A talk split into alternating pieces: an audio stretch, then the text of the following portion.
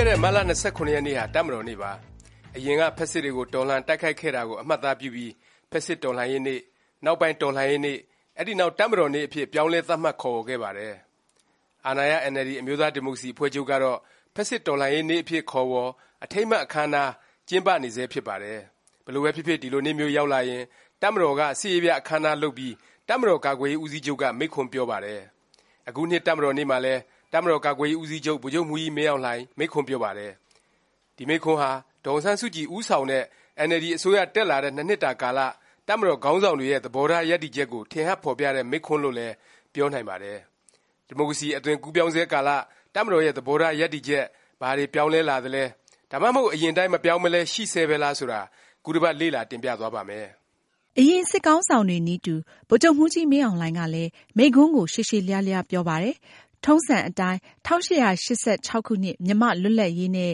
အချုပ်အခြာအာဏာ ဆုံးရှုံးခဲ့ချိန်ကစ ဒီကနေ့ မျက်မှောက်အချိန်ထိ နိုင်ငံ့သမိုင်းအကျဉ်းနဲ့ တပ်မတော် သမိုင်းအကျဉ်းကို ပြောပါတယ်။ သူပြောခဲ့တာကို အကျဉ်းချုပ်ပြန်ပြောရရင် ၁၈၈၆ ခုနှစ်မှာ အချုပ်အခြာအာဏာဆုံးရှုံးပြီး သူ့ကျွန်ဘ၀ရောက်ရတယ်၊နောက်ပိုင်း မြန်မာမျိုးချစ်တွေဟာ လွတ်လပ်ရေးရဖို့ ကြိုးပမ်းကြတယ်၊အဲဒီကာလ မြန်မာတွေအတွက် တပ်မတော်တစ်ရပ်ဆိုတာ ရှိဖို့ လိုအပ်တာကြောင့် ဗိုလ်ချုပ်အောင်ဆန်း ဦးဆောင်တဲ့ မျိုးချစ်တွေဟာ ဂျပန်အကူအညီနဲ့ စစ်သင်တန်းတွေတက်၊တပ်မတော်တစ်ရပ် ထူထောင်ကြတယ်၊နောက်ပိုင်း နယ်ချဲ့ကို တော်လှန်အောင်မြင်ပြီး လွတ်လပ်ရေးရခဲ့တယ်လို့ ပြောပါတယ်။ လွတ်လပ်ရေးရပြီးနောက်ပိုင်း နယ်ချဲ့တွေက သွေးခွဲအုပ်ချုပ်ခဲ့လို့ ကျဉ်းမြောင်းတဲ့ လူမျိုးရေးအမြင် ကိုင်စွဲကြလို့ ပြည်တွင်း လက်နက်ကိုင် ပဋိပက္ခဖြစ်လာပြီး အဲဒါကို ဗိုလ်ချုပ်ကြီးနေဝင်းက နှိမ်နင်းခဲ့ရတဲ့အကြောင်း၊၁၉၄၈ ခုနှစ်ကစ တိုင်းပြည်ကို အုပ်ချုပ်လာတဲ့ ပါလီမန် ဒီမိုကရေစီ အစိုးရကလည်း ဒီမိုကရေစီ ကျင့်သုံးမှု အတွေ့အကြုံနဲ့ အလေ့အကျင့် မပြည့်ဝတာကြောင့် တိုင်းပြည် မတည်မငြိမ် ဖြစ်နေလို့ တပ်မတော်က အိမ်စောင့်အစိုးရအဖြစ် တာဝန်ယူပေးရတဲ့အကြောင်း၊ ၁၉၆၀မှာ ရွေးကောက်ပွဲ အနိုင်ရ တက်လာတဲ့ ပြည်ထောင်စု အစိုးရကလည်း တိုင်းပြည်ကို ကောင်းကောင်း မအုပ်ချုပ်နိုင်၊တစ်ဖက်မှာလည်း ဖက်ဒရယ်မူနဲ့ ခွဲထွက်ရေး ပြသနာပေါ်ပေါက်လာတာကြောင့် တပ်မတော်က တော်လှန်ရေးကောင်စီဖွဲ့ပြီး နိုင်ငံတော်အာဏာကို ရယူခဲ့ရတယ်လို့ ဆိုပါတယ်။အလားတူ ၁၉၈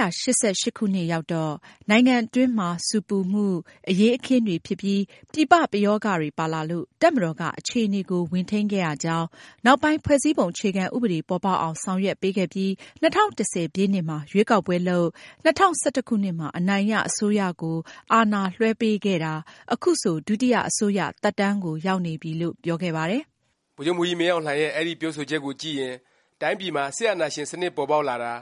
အဲဒီ စစ်အာဏာရှင်တွေက တပ်မတော်ကို အသုံးချပြီး တိုင်းပြည်ကို ဖိနှိပ် အုပ်ချုပ်ခဲ့ကြတာ၊စစ်အာဏာရှင် စနစ်ကြောင့်ပဲ တိုင်းပြည်ရဲ့ စီးပွားရေး၊ပညာရေး အစစ အရာရာ ချွတ်ခြုံကျပြီး အိမ်နီးချင်းနိုင်ငံတွေနဲ့ နှိုင်းယှဉ်ရင်တောင် အောက်တန်း နောက်တန်း ကျခဲ့တာ၊ယုတ်စွအဆုံး စစ်အာဏာရှင်တွေကြောင့် တပ်မတော်ရဲ့ တိုက်ခိုက်ရေးစွမ်းရည်၊ တိုင်းပြည်ကိုကာကွယ်နိုင်တဲ့စွမ်းရည်ကျဆင်းခဲ့ရတာတွေကို သင်ခန်းစာယူပြီး အရိပ်အမြွက်လေးလောက်တောင် ထည့်သွင်းပြောသွားတာ မကြားကြရပါဘူး။မိန့်ခွန်းတစ်နေရာမှာတော့ တိုင်းပြည်နောက်ကျကျန်ရစ်တဲ့ကိစ္စ ပြည်တွင်းလက်နက်ကိုင် ပဋိပက္ခကြောင့် ဆိုပြီးတော့ ထည့်ပြောသွားတာကိုတော့ ကြားကြရပါတယ်။အဲဒါနဲ့ခြားနားစွာပဲ ဗိုလ်ချုပ်မှူးကြီး မင်းအောင်လှိုင်က အရင် စစ်အာဏာရှင် ဗိုလ်ချုပ်ကြီးနေဝင်း၊ဗိုလ်ချုပ်မှူးကြီးသန်းရွှေတို့ လုပ်သမျှ တပ်မတော်ရဲ့ ခေါင်းစဉ်အောက်မှာ အားလုံးကောင်းတယ်၊တိုင်းပြည်အတွက် လုပ်သင့်လုပ်ထိုက်လို့ လုပ်ခဲ့ရတာချည်းဖြစ်တယ် ဆိုတာမျိုးပဲ ပြောဆိုတာ ကြားခဲ့ကြရပါတယ်။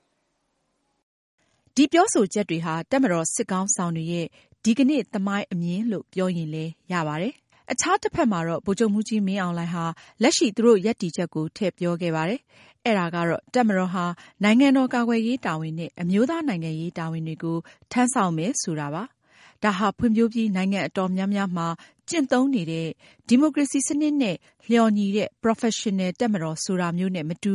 ကွဲပြားခြားနားတဲ့ ပုံစံပါ။ တစ်နေရာမှာတော့ တပ်မတော်အင်အားရှိမှ တိုင်းပြည်အင်အားရှိမယ်ဆိုတဲ့ အရင်စစ်အာဏာရှင်ခေတ်က အယူအဆကို ပြောဆိုထားပြန်ပါသေးတယ်။တိုင်းပြည်တည်ငြိမ်ပြီး စီးပွားရေးဖွံ့ဖြိုးတိုးတက်ပါမှ၊တိုင်းသူပြည်သားတွေ ပညာရေးမြင့်မားပါမှ ပြည်သူတွေနဲ့ ဖွဲ့စည်းထားတဲ့ တပ်မတော်၊တိုင်းပြည်ဘဏ္ဍာငွေဘတ်ဂျက်နဲ့ တည်ဆောက်ရတဲ့ တပ်မတော်ဟာ အဆင့်မြင့် အင်အားတောင့်တင်းမှာ ဖြစ်ပါတယ်။ဒါဟာ ရိုးရှင်းတဲ့ အယူအဆပါ။အရင် စစ်အာဏာရှင်တွေခေတ်တုန်းကတော့ တပ်မတော်သာအမိ၊တပ်မတော်သာအဖ၊ တပ်မတော်အင်အားရှိမှ တိုင်းပြည်အင်အားရှိမည် ဆိုတဲ့ ဆောင်ပုဒ်တွေ ကိုင်စွဲခိုင်း၊ဆိုင်းဘုတ်တွေ စိုက်ထူခိုင်းပြီး ပြည်သူနဲ့ တပ်မတော် အထင်အမြင် လွဲမှားအောင် လုပ်ခဲ့ကြတာပါ။ ဗိုလ်ချုပ်မှူးကြီး မင်းအောင်လှိုင် ပြောတဲ့ နောက်တစ်ချက်က လွတ်လပ်စွာ ပြောဆိုရေးသားခွင့်ဆိုင်ရာ ကိစ္စပါ။ဒီမိုကရေစီစနစ်မှာ လွတ်လပ်စွာ ပြောဆိုရေးသားခွင့် ရှိတယ်ဆိုပေမယ့် စည်းမျဉ်းစည်းကမ်းနဲ့အညီ ပြောဆိုရေးသားဖို့ လိုပြီး တာဝန်ယူမှု တာဝန်ခံမှု ရှိရမယ်လို့ ဆိုထားပါတယ်။တဆက်တည်း တပ်မတော်ပြိုကွဲအောင်၊ဂုဏ်သိက္ခာကျဆင်းအောင်၊အခြေအမြစ်မရှိတဲ့ ပြောဆိုရေးသားမှုတွေ ရှိနေတယ်လို့ ဆိုထားပြီး ဒါတွေကို သတိတရား၊အသိတရားနဲ့ ယှဉ်ပြီး တုန့်ပြန်သွားမယ်လို့ ဆိုပါတယ်။ ဒီအချက်နဲ့ပတ်သက်လို့ ဖြတ်သန်းခဲ့တဲ့ ၂ နှစ်တာကာလ တပ်မတော်နဲ့ ပတ်သက်ပြီး ရေးသားတာတွေကို တပ်မတော်ဘက်က ဥပဒေကြောင်းအရဆိုပြီး အရေးယူတာရှိခဲ့ဖူးသလို၊လက်ရှိမှာလည်း သတင်းမီဒီယာသမားအများစု တပ်မတော်နဲ့ ပတ်သက်ပြီး ဝေဖန်ရေးသားဖို့ အတော်လေး သတိထားနေကြတာ ပကတိအခြေအနေပါ။အားလုံးကို ခြုံငုံသုံးသပ်ရရင် အရင် သမ္မတ ဦးသိန်းစိန် အစိုးရလက်ထက် ၂၀၁၁ နဲ့ ၂၀၁၆ ကြားကာလမှာ ဗိုလ်ချုပ်မှူးကြီး မင်းအောင်လှိုင် ခေါင်းဆောင်တဲ့ မြန်မာ့တပ်မတော်ဟာ အရင် စစ်အာဏာရှင်ခေတ်တွေတုန်းကနဲ့ မတူအောင်၊တပ်မတော်ကို ကောင်းတဲ့ဘက်ရောက်အောင် ပြုပြင်ပြောင်းလဲရေးတွေ အများကြီး လုပ်ခဲ့တာ တွေ့နိုင်ပါတယ်။အခြားတစ်ဖက်မှာလည်း လက်နက်ကိုင် တိုင်းရင်းသားတပ်ဖွဲ့တွေနဲ့ အပစ်အခတ် ရပ်စဲနိုင်အောင် သမ္မတ ဦးသိန်းစိန် အစိုးရ ဦးဆောင်မှုအောက်မှာ တက်တက်ကြွကြွ ပါဝင်ခဲ့တာကလည်း သမိုင်းမှတ်တမ်းပါပဲ။ပွင့်လင်းလွတ်လပ်စ ပြုလာတဲ့ မီဒီယာတွေရဲ့ ရေးသားမှုတွေကိုလည်း အစိုးရအဖွဲ့နည်းတူ သည်းခံခဲ့ပါတယ်။ ဒါပေမယ့်ဒေါ်အောင်ဆန်းစုကြည် ဦးဆောင်တဲ့ အရပ်သားအစိုးရ လက်ထက်မှာတော့ အဲလို အခြေအနေမျိုး မတွေ့ရသလို၊ဒီမိုကရေစီ ဖက်ဒရယ် ပြည်ထောင်စုနဲ့ ကိုက်ညီတဲ့ တပ်မတော် ပုံသဏ္ဍာန်မျိုးဖြစ်အောင် ရည်မှန်းချက်ထား၊နိုင်ငံရေးကနေ ဆုတ်ခွာဖို့ စနစ်တကျ ပြုပြင်ပြောင်းလဲနေတဲ့ အရိပ်အယောင်မျိုးလည်း မတွေ့ရသေးပါကြောင်း တင်ပြလိုက်ရပါတယ